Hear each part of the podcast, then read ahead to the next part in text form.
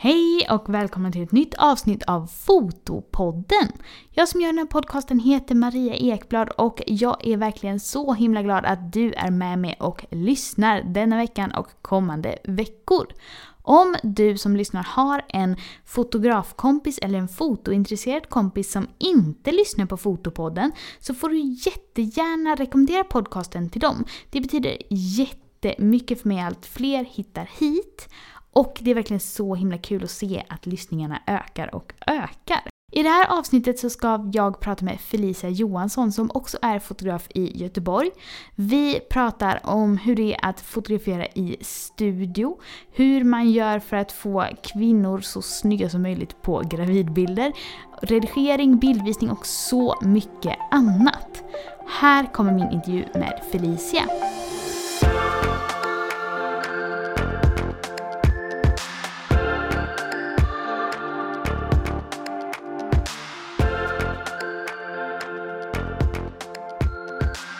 Hej Felicia och välkommen till Fotopodden! Hejsan hejsan, tack så mycket! Vad roligt att du är med idag! Ja, det ska bli jättekul!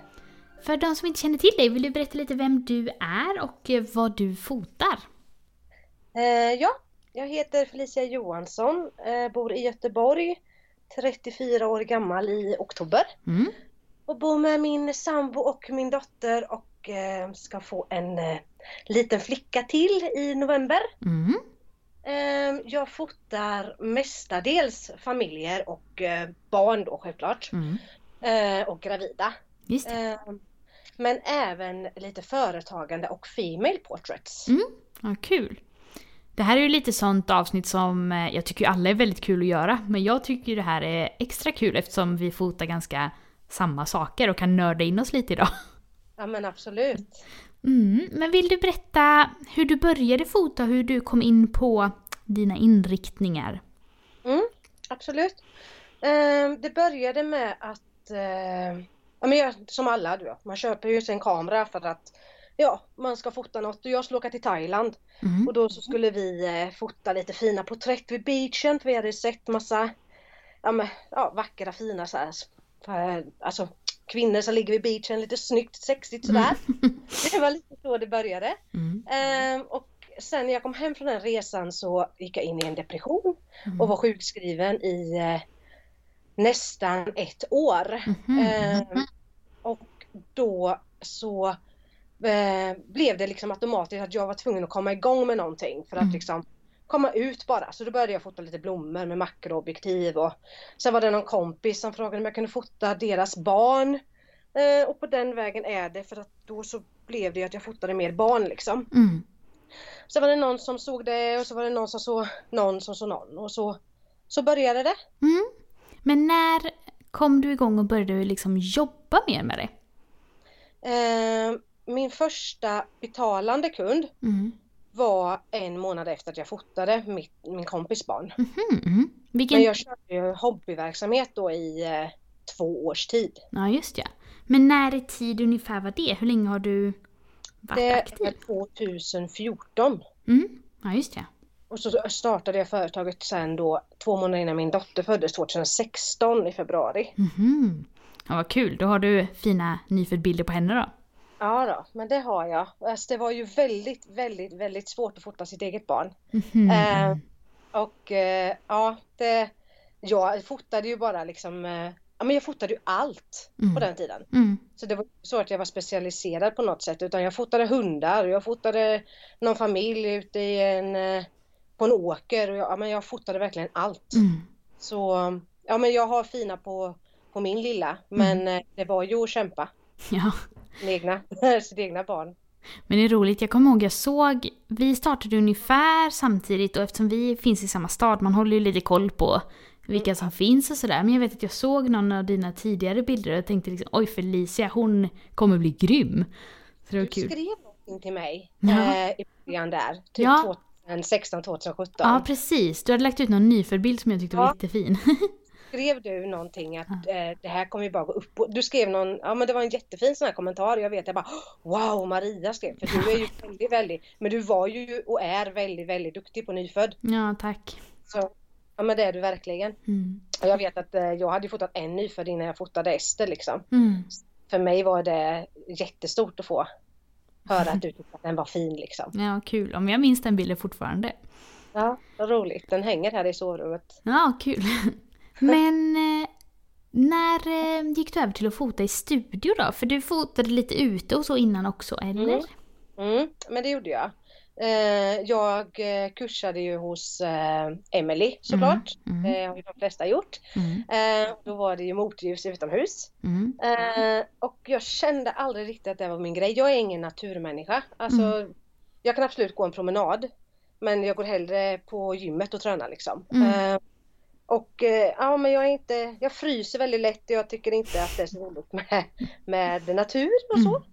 Ehm, så när Ester hade kommit så fotade jag först eh, i hennes, ja hon hade ju inget eget rum, hon sov ju inne hos oss. Mm. Så då hade vi hennes rum till att göra om som en liten studio. Ja, det. Ehm, och det var ju när hon fyllde, precis när hon fyllde ett, så började jag ta in lite kunder. Mm. Hade vardagsrummet i början. Så att 2017 skulle jag säga att jag började mer med studioaktiga bilder, eller man ska säga. Mm. Där jag tog in eh, kunder. Men kände väldigt snart att jag inte ville ha in personer till mitt hem. Jag tyckte det var lite obehagligt att de visste var jag bodde. Ja men du vet lite sådär. Mm. Man är Ja, ju ändå sitt privata jag i sitt hem liksom ändå. Ja men precis. Och, och min sambo var hemma en gång och han fick sitta i ett annat rum och vänta och, och jag hade inte sagt det så han satt där inne liksom hur länge som helst. Mm. Och sån tid.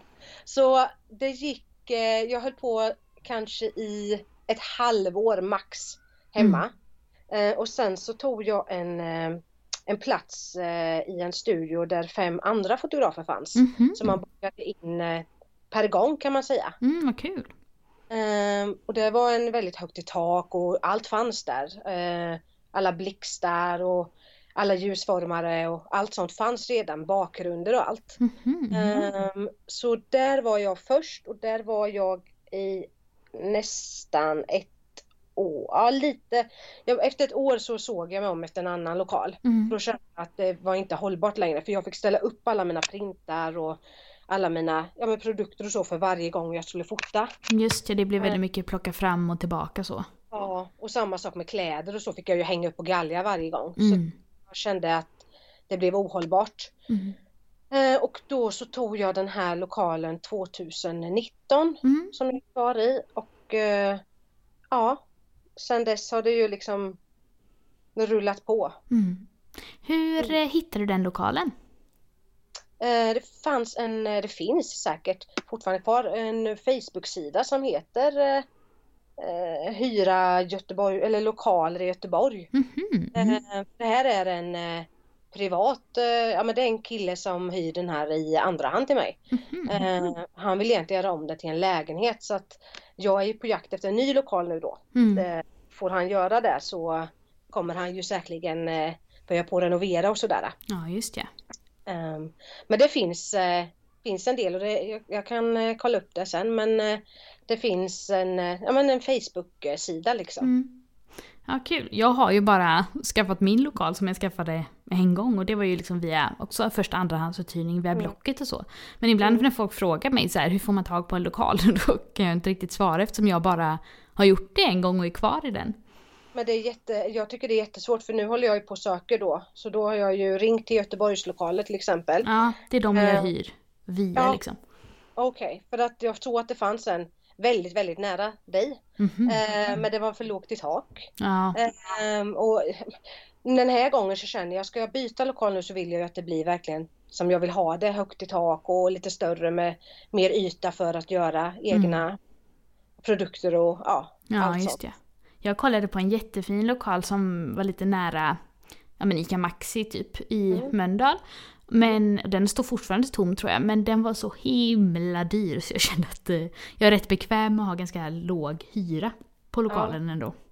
Ja, min är också relativt, ja jo men den är låg. Mm. Eh, men jag har också kollat och det, det, vi pratar ju kanske om gånger tre nu i sådana fall om jag ska Mm. byta lokal. Ja, just det. Ehm, och det är ju rätt mycket. Mm.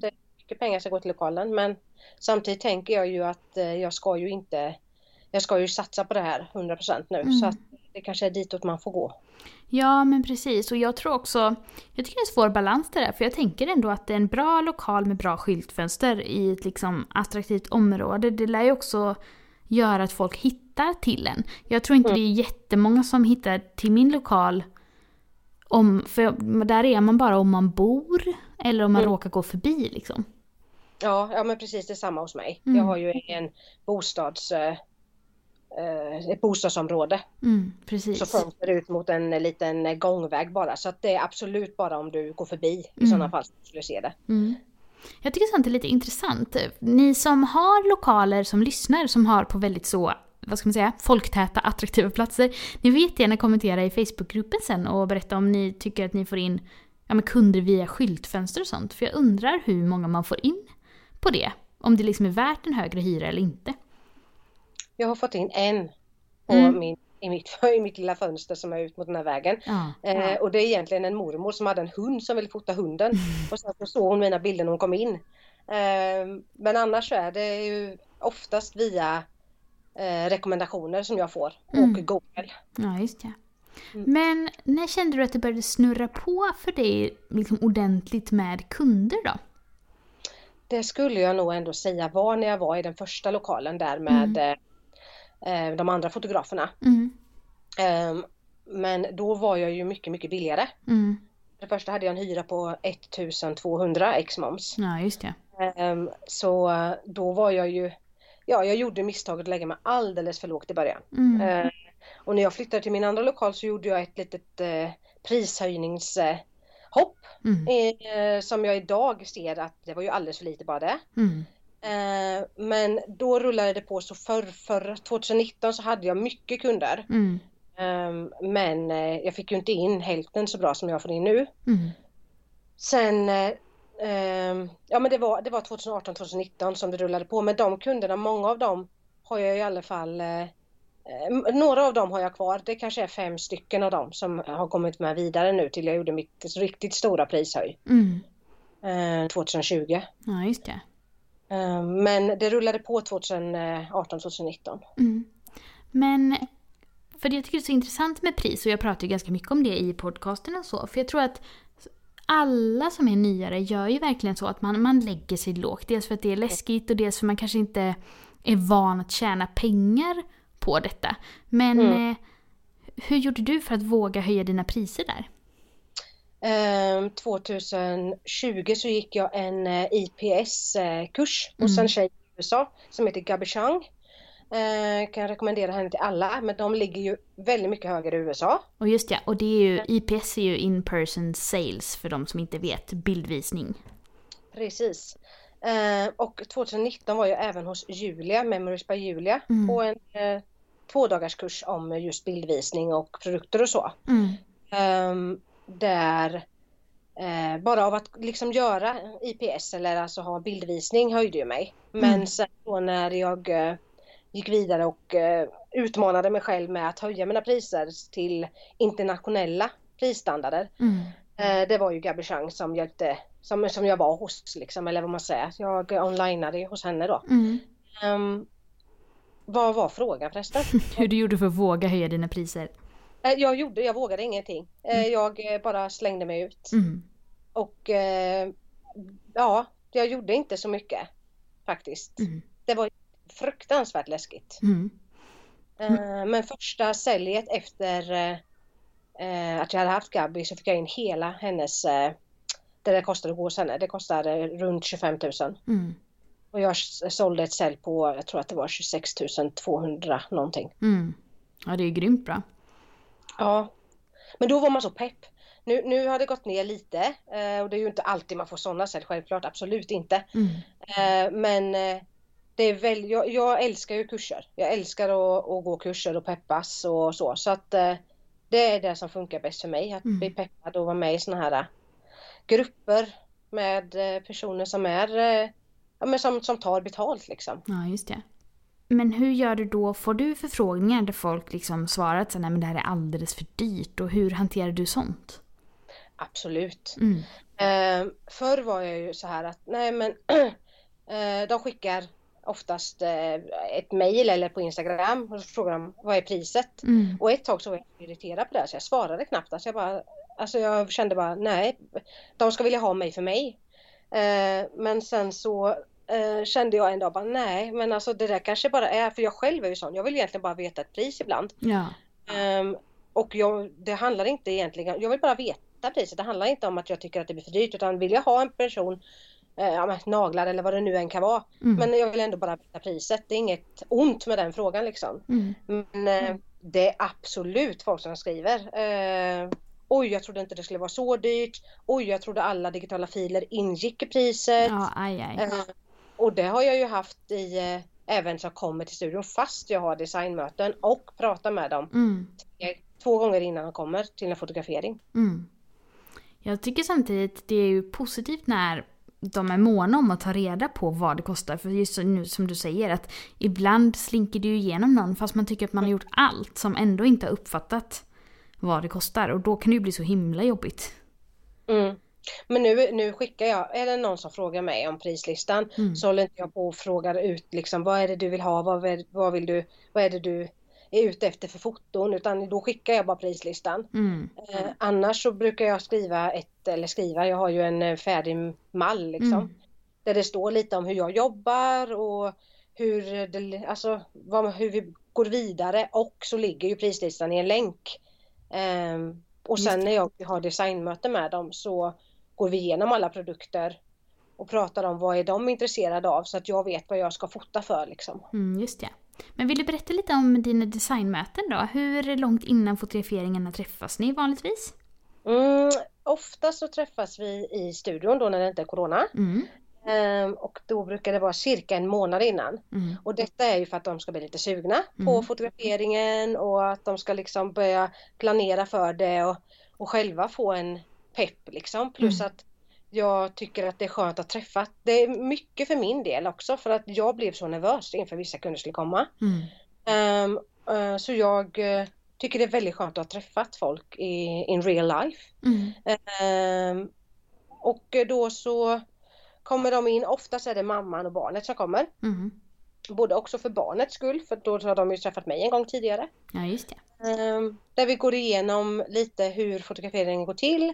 Eh, de får titta på kläder, vad är deras färger och sen så de behöver liksom inte välja kläder och det är inget jag Ja det är om de själva skulle ha en specifik klänning som de älskar, då skriver jag upp det. Mm. Men annars säger jag titta lite, vill ni testa några så får ni gärna göra det. Eh, barnkläder kan de titta på. Så ser de om de behöver köpa något eller inte. Men 99% av gångerna så ser de ju att jag har det mesta för jag har ja, massa Mm. kläder. Ja, just det. Eh, och då går jag också igenom alla produkter Mm. och pratar priser en gång till och så frågar jag dem vad är du mest intresserad av? Är det mer åt de här boxarna som jag har eller är du mer en person som vill ha någonting på väggen som är färdigt med en ram? Mm, just det.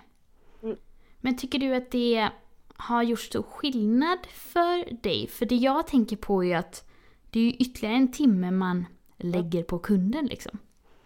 Eh, ja, alltså för det första så är det ju det här att jag inte hinner bli nervös. Mm. Och då har jag ändå jobbat eh, nu i fem år Mm. Eh, och jag blir fortfarande nervös när jag får eh, vissa kunder. Mm. Men jag tycker ju att det svingar upp mina sälj rätt rejält. Mhm. De känner sig tryggare tror jag för att de känner att jag inte prackar på dem någonting. Utan jag visar liksom vad, vad som finns och jag är väldigt så här osäljig när jag säljer. Mm. Ehm, och jag tror att det blir mer en, en relation liksom. Vi har hunnit träffa varandra tre gånger. Ja, det är tredje gången som vi träffas när jag ska sälja. Ja, just det. Mm. Ehm, så det känns, alltså det, jag höjde ju mm, dubbelt så mycket det året som jag Mm. gick hos Chang. Både självklart för att priserna gick upp men också för att eh, jag tror att designmöten har en, eh, en stor påverkan på det. Ja, men det. Då så har jag ju mycket mindre kunder idag än vad jag hade förr. Ja, precis. För det jag ville fråga är också liksom, är det någon som någonsin ifrågasätter om de ska komma till något sånt eller själva inte förstår det? Nej, det var, det var på riktigt inte, jag trodde det. Det var en sån här grej som jag var lite nervös över. Ja. Att det, det känns ju väldigt osvenskt så jag behöver komma hit och planera ett möte innan eller en fotografering. Men de flesta är jättepeppade på gud vad kul. Eh, det som har varit nu då är ju att jag har kört via Zoom eh, och då, det har folk varit eh, nojiga om eller liksom de tycker inte om att sitta på Zoom. Så att det är väldigt många som kan vi ta det via telefon istället. Mm, mm. Eh, och det får man jättegärna göra. Jag önskar ju egentligen att man tar det via Zoom för då kan jag visa studion, jag kan visa produkterna. Men då har jag gjort så att jag har lagt på en halvtimme på vår fotografering istället. Ja, just det. Eh, där jag eh, antingen i början om, om barnet är blygt, för det har jag upp... Eh, eller jag tycker att de flesta barn är väldigt, väldigt eh, väldigt blyga i år och det är Mm. väl corona säkerligen som har gjort det. Mm. Eh, och då har jag tid att gå och prata med mamman och, och, och pappan då och visa produkter och lite så. Eh, eller att vi tar det en halvtimme efter fotograferingen där vi sätter oss ner och pratar igenom lite vad de har tänkt och ja så. Mm. Ja men absolut. Men hur har du kommit fram till din bildstil? Oj. eh, ja, ja eh, det, det, det är så svårt för jag har ju två helt olika stilar. Mm. Så Jag har ju min stil som jag fotar gravida och eh, eh, kvinnor, Mm. mm. mamma me och även mina female portraits. Mm. Det är lite mörkt, murrigt, sensuellt, lite sexigt, mer däråt Mm. och stilrent kanske vi ska säga. Mm. Men sen har jag ju mina barnbilder och de är ju väldigt ljusa. Mm. Mjuka toner och neutrala färger. Eh, så jag, ja det är ju jätte, jättesvårt. Men det är ju det jag dras åt. Jag har liksom inga, jag har ju färdiga action som jag använder mig av. Mm. Jag är aldrig så, det är nästan aldrig så i alla fall att jag använder mig helt och fullt ut av ett action som bara att klicka på en knapp utan jag är nästan alltid inne och drar i några ja, men några lager eller liksom ändrar procenten och testar och, och, och så beroende på hur jag känner för dagen. Mm, just det. Så att, eh, men sen har jag ju mycket inspirationer som jag, alltså man tittar ju på Instagram och olika saker som man liksom inspireras av. Mm. Eh, Ja men verkligen. Men ja. jag upplever att studiofoto, alltså främst för gravida men också för allt liksom föräldrar, familjebilder och barnbilder, att det känns som det håller på att få ett, en uppåtgående trend. Mm. Upplever du samma där? ja, absolut. Mm. Ett tag var det ju väldigt så här att man ville bara komma in och fota barnet. Mm. Men nu, nu ingår ju för mig att man får fota familjen och syskonfoton i mina foton. Eh, och jag frågar dem alltid men jag upplever att jag får mer förfrågningar på just familjefoto i studio. Mm. Eh, och inte bara att de frågar om, om, om barnfoto liksom och att jag sen får hjälpa till med att säga att de ska in och fota familj också. Ja, just det. Men jag tycker det är så intressant, men det måste ju vara liksom stora fototrender världen över. Det finns ju väldigt många väldigt stora fotografer liksom utomlands och så som fotar mycket i studio som har blivit väldigt stora. Så det är väl säkert med och bidrar där. Mm, mm. Absolut. Mm. Och jag tycker gravidfoto i studio, det är ju absolut en trend som går upp. Mm, verkligen. Och det är ju en trend som passar väldigt bra när man bor i Sverige, upplever jag i alla fall. Eftersom det är ju ganska mycket ombok på grund av väder annars när man är ute. Mm, mm. Ja, och det var ju också en sån stor anledning till varför jag inte ville fota ute. Mm. Ehm, och fortfarande idag känner att det är liksom inte... Jag skulle absolut kunna tänka mig att köra en lite mini-sessions som jag har. Mm. Ehm, att man kanske bestämmer en, lör, en lördag eller söndag men bara för mina återkommande kunder i sådana fall. Mm. Ehm, men för jag tycker det är väldigt vackert. Jag har ju själv varit och gjort eh, gravidfotograferingar hos flera olika fotografer för jag tycker det är vackert med massa olika stilar. Mm. Men eh, jag skulle aldrig kunna köra det fullt ut för jag skulle bli tokig på alla ombokningar och sena kvällar och Mm. ja, you name it. Ja, och också på något sätt, jag upplevde, det var väl säkert mitt fel då eftersom jag kanske inte satte kundens förväntningar. Jag kanske inte visade tillräckligt med mula, mul, vad säger jag, bilder då det var mulet. Mm. Utan visade väldigt mycket solnedgång och sånt. Men för mig blev det också att när jag stod där i november och det var liksom astråkigt ute. Så hade jag en kund en gång som, alltså hon blev så besviken. Och det är ju liksom något som inte man kan styra över men det är ju ändå, det är ändå tråkigt för kunden som hade förväntat sig liksom augustihimmel. Ja, ja absolut. Mm, Och det behöver man ju aldrig tänka på i studion. Precis. Däremot är det ju väldigt mycket jobb med att jobba i studio. Alltså du måste ju kunna se var skuggor ska komma och blixtar, hur du ska ställa dem och så. Men, men det är ju en trygghet att alltid veta så länge dina dina saker funkar liksom. Att, eh, Precis, så länge man har ström så Ja, har man ljus. Absolut. Mm. Så att det är väldigt, väldigt skönt. Mm. Jag tycker också, en, en anledning till att jag gillar och har gått över till studiofoto för gravida och för allt är ju också att alltså man kan ju ta flera på samma dag.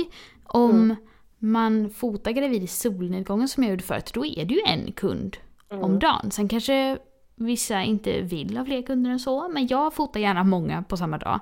Och det blir ju väldigt begränsande annars, för då har man ju bara en tid när det funkar. Mm. Jag, jag eh, tar bara en om dagen. Eh, Men det är för att jag gör ju allt för den kunden den dagen. mm, Så att direkt efter att jag haft den kunden så redigerar jag den kunden för det är då jag är inspirerad och peppad och just ja. Mm. när det gäller eh, gravida. Mm, ja, du skrev lite om det. Det Mm. lät så himla smart. Hur kom du på att du skulle göra det? Jag kom nog inte på det. Jag har min dotter på förskolan till, till fyra och så blir det sådana här slötimmar där mellan Ja men ofta så fotar jag antingen klockan 11 eller klockan 1. Mm, Eh, och ofta vill de gravida ha klockan 1. mm, Eh, och då hade jag ju liksom en slötimme däremellan innan jag var tvungen att hämta henne. Eh, och då så började jag med att sätta mig och göra alla galler, alltså det galleriet som jag hade fotat helt Mm. enkelt. Och kände bara shit det blir ju så bra för att jag kommer ju ihåg hur jag tänkte när jag ställde henne i den posen eller varför la jag ljuset på den sidan eller för ibland när man inte, eller när jag inte gör det så kan jag bli så här, men hur sjutton tänkte jag med den bilden? mm, Sen kan det ta typ så här några dagar senare när jag redan redigerat klart galleriet. Bara, men just det, det var ju det där jag hade tänkt. Jag hade ju Mm. tänkt göra den bilden så eller köra på med jättemycket kontrast eller vad det nu kan vara. Ehm, plus att oftast är det ju efter en fotografering jag är så här bara wow, jag är helt uppe i det. mm. Ehm, och eh, har mest inspiration helt enkelt. Ja, verkligen. Det är också, det är ju kul att jobba när man är inspirerad och inte bara så här nu måste jag göra klart det här Ja. nu.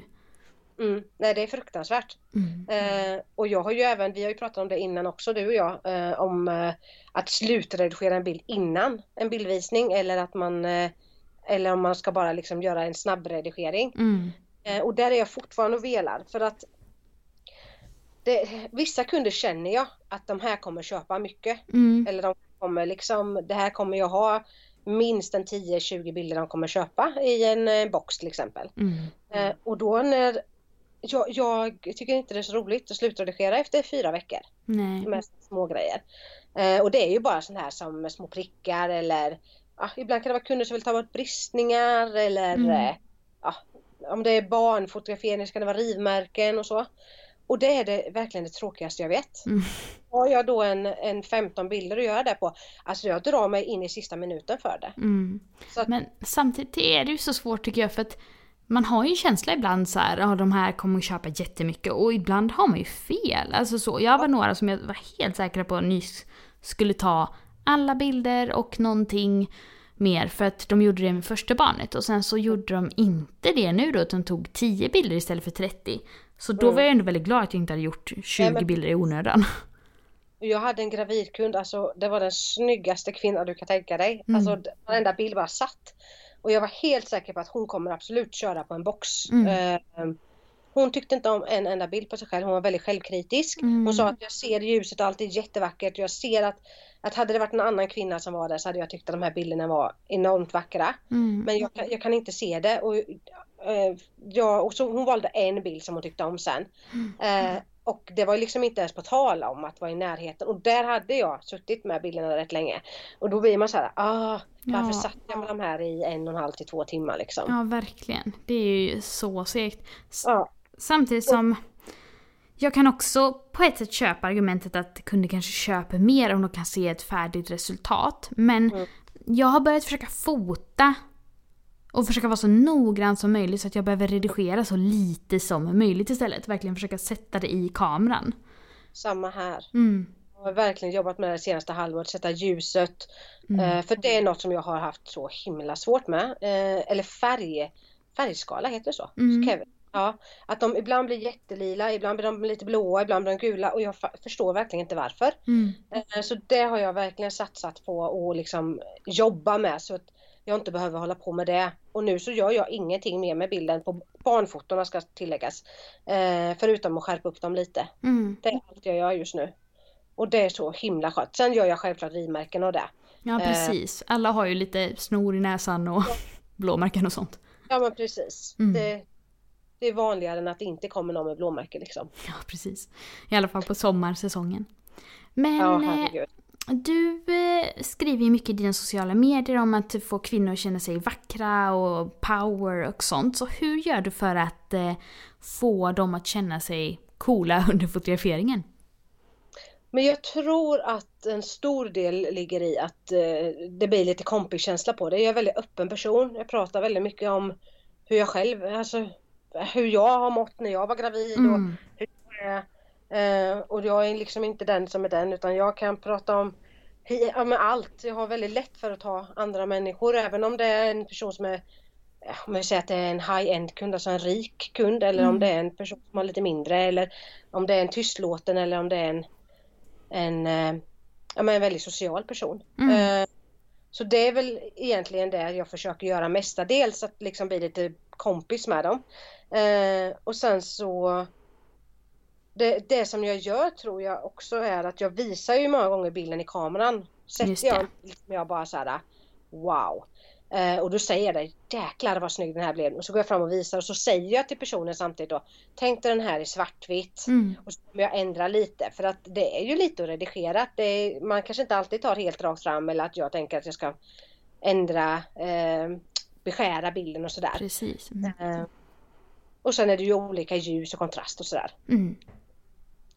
Eh, men, ja, men jag tror att eh, Sen har jag ju den stilen just på gravida att mm. det ska vara lite power sensuellt och eh, många blir ju helt så här wow när de kommer tillbaka liksom. Mm. Var jag så snygg när jag var naken, gravid? För många tänker nog att man det handlar ju så mycket om posering och eh, ljus. Mm. Ja men verkligen. Jag tycker också det är så kul, man känner ändå att man har lyckats när man har kunder som bara wow, är det här jag? Och då, mm. för de, då känner man att man verkligen gjort något som ja, men kanske är långt ifrån som de har, kan göra själva. Alltså det är långt ifrån en selfie. Ja, ja precis. Ta ett kort i en spegel liksom mm. när man är mm. gravid. Ja, absolut. Mm. Men verkligen. Hur eh, gör du för att få in kunder då? Um, Jo, men jag har haft, nu har jag stängt av det men det är ju för att jag ska vara föräldraledig. Mm. Men annars så kör jag ju på Google Ads. Mm. Mm. Eh, och har gjort det i flera år. Tycker du det funkar bra? Ja, jag skulle säga att jag kanske nästan får in en 60% 60-70% av mina kunder via Google. Eh, sen är det återkommande kunder då, eh, eller kunders kompisar som kommer med. Ja, Instagram är det ofta, eller i alla fall så säger de inte att de kommer från Instagram. Mm. Eh, det är nog det som jag får in minst. Facebook ska vi inte tala om, det är ju inget. Då. Alltså, Men det är ju jag, rätt dött. Alltså, jag, jag, jag, är så trött på Facebook och jag bara lägger ut det bara för att ifall att det finns någon där som ser det. Ja precis, det är väl bra att inte ha något helt stendött där ifall någon kollar på det. Eh, så att jag brukar ju lägga ut samma inlägg som jag lägger ut på Instagram. Mm, så att det blir publicerat. Mm. Um, men sen, eh, det är också lite olika. Barnfotograferingar får jag in eh, lite mer av Instagram. Eh, men eh, gravidfotograferingar är det väldigt, väldigt många som kommer från Google. Mm. Jag tror att det är att de skriver kanske typ naket eh, i studio eller eh, stilrent i studio. Eh, Just det. För att mitt konto är ju väldigt litet. Jag har ju två konton på Instagram. Mm. Eh, och det är ju väldigt litet det som jag har för gravida. Ja. Så att ja, jag, jag tror att eh, Sen är det många återkommande kunder då, alltså de som har varit och fotat barnbilder innan som kommer mm. tillbaka och fotar mm. gravida. Men det tycker jag verkligen märks när man har varit igång i några år, att man får mm. mer och mer. Det blir liksom som en... Man sätter en boll i rullning tänker jag och ju längre man jobbar desto mer drar det med sig eller vad man ska säga. Ja, och jag tycker det är så tryggt med för då vet jag så här, ja men nu var hon här för hon var gravid. Ja, om ett år, om ett år kommer hon tillbaka till Smash the Cake. Jag blir inte lika nervös av att jag inte ska få in kunder som mm. jag var för. Precis. Um, sen är det kanske inte alla som gör det men, men de brukar komma tillbaka mm. en gång till mig minst eh, under första året. Mm, just ja. Men jag har ju sett på dina sociala medier att du släpper tider till exempel för Smash the Cake. Att man liksom mm. inte kan boka hur som helst. Vill du berätta lite hur du kom på det och hur det funkar för dig? Ehm, Jag tror att eh, jag kom på idén, eller vad man ska säga. För det första var det att jag var fullbokad. Jag har ju jobbat deltid med studion, så Mm. jag har ju haft ett jobb vid sidan av. Jag jobbar som eh, eh, stödassistent på ett boende för personer med utvecklingsstörning. Mm. Och jag kunde inte ta fler smash to cake eller, eh, eller gravida, oftast var det ju då. Mm. Eh, barnfoto kan man ju alltid ta och säga, ja, men mitt barn är sex månader, ja, men jag har en tid om två månader. Just det. Så det var liksom inte riktigt samma sak utan det är ju mestadels för Smash the Cake-delen. Sen är det många som bokar även sina barnfoton och sådär eh, tidigt. Men jag har bara 8 eh, till 12 eh, kunder per månad och mer Mm. har jag inte möjlighet att ta. Mm. Eller mer, rättare sagt, mer vill jag inte ha. Mm. Och eh, jag kände att det blev för mycket. Jag hade så många gånger jag fick säga tyvärr, nej tack, det går inte. Eh, och barnen kan liksom kanske inte fota smash the cake när de är ett år och, och sex månader utan man vill ha det till Antingen vill de ha den till sin ettårsdag eller så vill de ha det exakt runt sin ettårsdag. Mm. Just det. Ehm, och då började jag med att släppa och det blev en jättestor hit skulle Mhm. jag säga. Mhm. För att eh, folk eh, signar ju upp sig verkligen på att de liksom, ja men nu är jag på, nu vet jag att mitt barn fyller år i maj, ja men nu kommer tiderna i januari.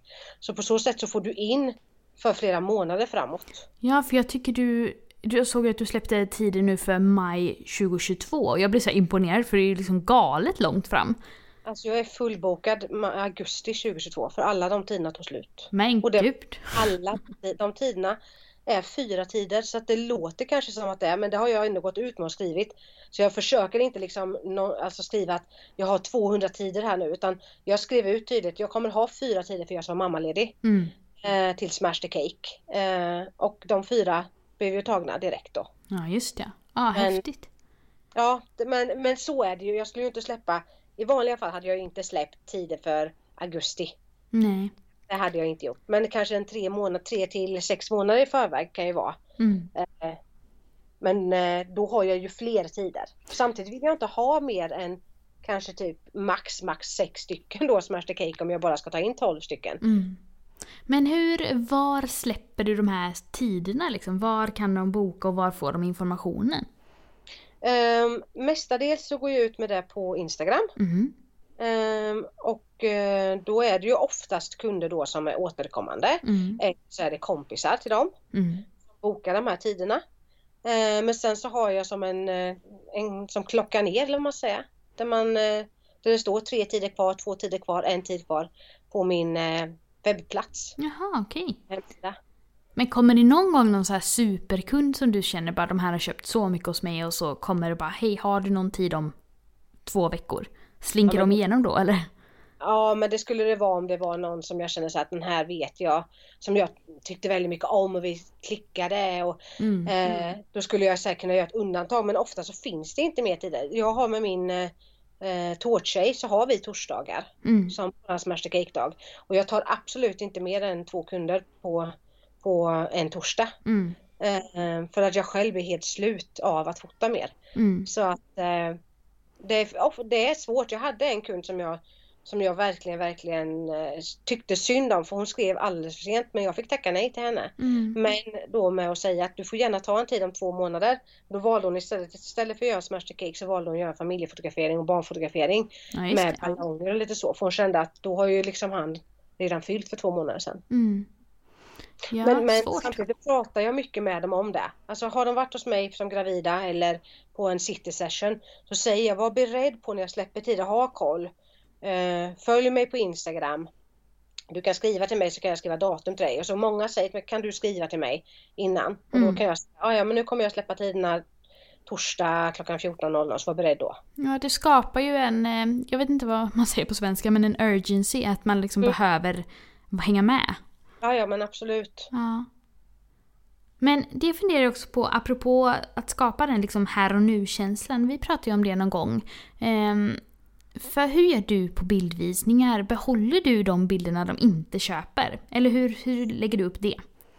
Sex månader eh, behåller jag bilder de inte köper. Mm.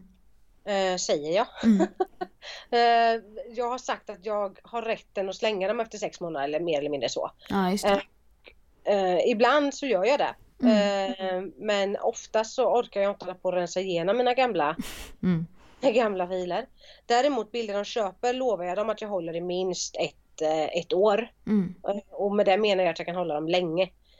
För att eh, de kan gärna få komma tillbaka till mig och printa ut dem större eller om de har Mm, tappat just bort det. USB eller så. Mm. Men eh, jag har inte många som kommer tillbaka eh, och säger till mig att oh, men jag vill ha haft mer utan jag är väldigt tydlig med att det är nu eller lite mer nu eller aldrig vi ska beställa de här bilderna Mm, och jag kommer hjälpa er.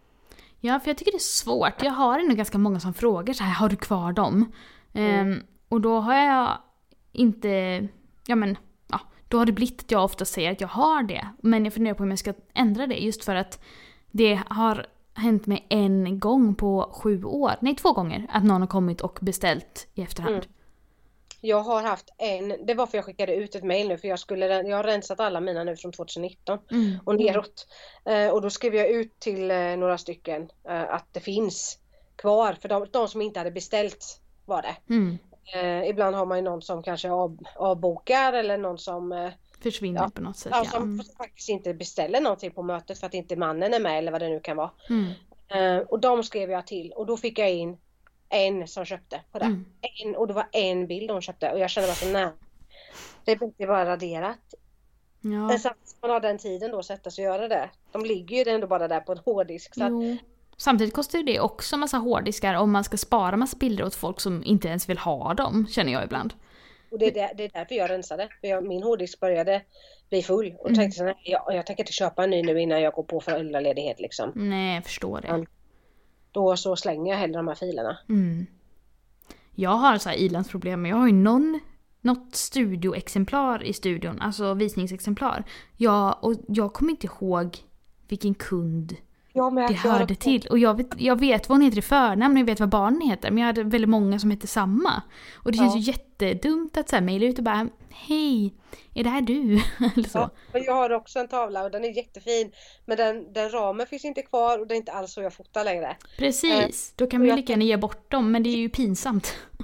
Ja, och jag kan för mitt liv inte komma på överhuvudtaget vad barnet heter eller kunden överhuvudtaget. Det går inte. Nej. Så att, eh, jag hoppas ju fortfarande på att någon ska komma in och säga ah men titta det där var Maja. Jaha Ja. just Ja, men precis, men Eh. det värsta är att jag hade så. Det var en som kom in och bara åh men är inte det här dem? För typ något tag sedan. Men det var inte så att jag bara just ja, mm, vad heter de i efternamn nu igen? Eller så. Jag bara mm, det är dem. Så Ja, hon får väl få det om jag lyckas pussla ihop någon gång. och det är samma sak om man någon gång printar ut en produkt och så blir det liksom eh, ja men något litet mini-mini-fel. Mm. Eh, och jag har så svårt att slänga dem där så de ligger i en hög på, Mm. i kontoret bara. Mm. Men samtidigt får man ju liksom inte ge Alltså jag har varit så här om det har varit någon kund som jag har blivit så här bästis bundis med att jag bara Ja det här blev en liten fläck på den kan du ge till mormor och farmor men samtidigt så vill man ju inte göra det. För då så blir det ju den här känslan av att då var inte den värd. Kan du ge bort den här? Och så har jag betalat kanske 5-6 tusen för min andra tavla. Ja, ja men precis. Nej, det är svårt. Ja verkligen. Men vill du berätta lite, för du ska ju gå på föräldraledighet om ett tag. Mm. Hur har du planerat inför det de här månaderna nu då som har gått? Eh, ja, först och främst så blev jag ju eh, avstängd från mitt andra jobb. Mm. Heter det. Avstängd. Man, för grund av smittorisken så får man gå vecka 20. Mm. Ehm, och då så blev det att jag bestämde att jag skulle köra foto istället. Mm. Ehm, och redan då så började jag skriva, eller prata väldigt mycket om att eh, jag kommer gå på föräldraledigt, jag kommer att ha stängt de här månaderna. Mm. Ehm, däremot så har jag valt att göra så för återkommande kunder. Alltså kunder som har varit hos mig tidigare. Mm. eh, att de får börja fotas redan från mars. Eh, och då kommer min eh, dotter vara ungefär en fem månader. Mm, just ja. Men jag har också sagt till de som har bokat in att förra graviditeten så blev jag ju väldigt, eh, jag mådde inte så bra. Mm. Jag nog säkerligen en förlossningsdepression. Ehm, och att jag, jag var väldigt orolig och hade väldigt, väldigt mycket ångest. Mm. Ehm, och eh, ja, jag eh, mådde inte bra helt enkelt. Mm. Så jag har sagt till dem detta och det är också en sån där grej att jag är väldigt, väldigt öppen med det på sociala medier och så. Så att jag har sagt, skulle det nu vara så att jag blir jättedålig och inte klarar av det här så kommer vi flytta det här datumet. Och ja. de här kunderna som jag har tagit eh, är ju sådana kunder som jag känner att Ja, men för det första de bara sagt men gud det är bara att höra av dig och Mm. jag hur det var de första månaderna och när man börjar prata om det för jag tycker fortfarande det är väldigt väldigt tyst i Sverige om att kvinnor mår inte sådär jättebra i början. Mm. Eh, så tycker jag att det är väldigt, väldigt många som är väldigt öppna med det. Ja, Och just det. där får du också liksom en, eh, man blir lite bundisar. Mm. Eh, så. så att de här kunderna som jag har tagit i mars och april nu, de är helt med på att det kan bli så att jag flyttar dem till maj eh, och framåt. Just det. Det var, ja, det var ungefär när Ester var en tre fyra månader som det släppte lite. Mm. Ehm, och vid fyra månader så, så kände jag liksom första gången på riktigt att jag, att jag verkligen älskade henne. Mm. Ehm, och då släppte liksom allt. Ehm, och då sen när hon var sex månader så började jag jobba 50% bara för att få komma ut lite. Mm. Så det var lite dubbelt. Jag, det blev en ond cirkel av det. Att jag var hemma för att jag mådde dåligt fast egentligen behövde jag komma ut. Ja, just Eh, det. Ja, svårt. så- Ja, men, men jag tror nu att nu kan jag planera mitt jobb själv. Alltså, Mm. alltså går det inte så går det inte och det är inte mer att göra än att säga tyvärr, jag mår inte bra. Nej.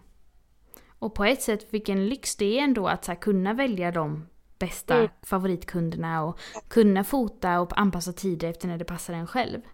Ja, ja, och det har vi ju gjort. Vi har ju sagt, vi har ju satt ett, så här, ett datum, ett preliminärdatum och en preliminär tid. Mm. Men så har vi sagt att skulle det vara så att det är något, ja, men då kan vi ta det på eftermiddagen eller på helgen eller och det, det är så lyxigt, alltså att jag, jag får pengar för det. Att gå dit och träffa en, en kund som jag tycker om och komma ifrån mammalivet en liten stund Mm. för att bara göra något man älskar liksom. Ja, men Nej, det, det, känns, det känns väldigt lyxigt. Mm. Hur långt fram har du vågat ta fotograferingar då innan du går på föräldraledigheten? Jag har min sista fotografering som jag nu har planerat 24 september. Mm. Ehm, och sen har jag sagt till flera, för jag har flera stycken på en ombokningslista Mm. eh, som skriver och då har jag sagt att skulle jag känna 24 september att ja men jag mår bra, jag kan ta några kunder till så kommer jag höra av mig till dem. Just ja. Ehm, jag var väldigt pigg eh, hela förra graviditeten med Ester och fysiskt mådde jag fysiskt bra liksom. Mm. Eh, Men samtidigt så känner jag att de kunderna som jag tar vill jag ju ska känna att jag tar, att jag hinner med dem liksom. Jag vill Mm. inte känna den här eh, att jag inte hinner leverera deras urval eller liksom hinner eh, ja, men, ja, fixa allt det här med ramar och så. Det kommer ju lösa sig för att min sambo kommer kunna åka ner till, till studion och han har lärt sig också hur man Mhm. fäster eh, ramar och sådär. Ja men grymt. Eh, och så har jag ju från Kållered som kommer ju hem med ramarna. Ja, det är ju leverans. Samma sak med eh, min leverantör för bilder. Så Mm. det behöver jag inte. Jag har backat upp det ifall att jag inte kan printa själv. Mm. Skönt. Så ja, mår jag bra så kan jag tänka mig att ta några fler. Annars så är tanken att jag ska sluta jobba i alla fall 14 oktober. Då ska Mm. jag inte ha några bildvisningar och så mer. Men eh, om ungefär en och en halv månad innan jag ska föda ska jag inte ha någon fotografering är tanken nu i alla Mm. fall. Men det låter ju bra. Jag har ju en Facebookgrupp för fotografer och där la jag ju ut att eh, vi skulle podda och ni som lyssnar, om du inte redan är med där får jättegärna gå med i gruppen. Fotopodden heter ju den också. Och då har jag fått in lite lyssnarfrågor på meddelanden här till Fotopoddens Instagram. Mm. Och då är det en som undrar här, dina bästa tips på att bli bättre i studion? Att fota i studion. Mm. Ehm, för det första är det ju öva, öva, öva. Mm. Det är ju att ta in portfolio. Jag hade som lite regel att jag hade minst en portfolio i månaden. Mm. Ehm, och det är också bra under lågsäsong. Men Ja, också testa och flytta på blixten, alltså flytta ljusformaren.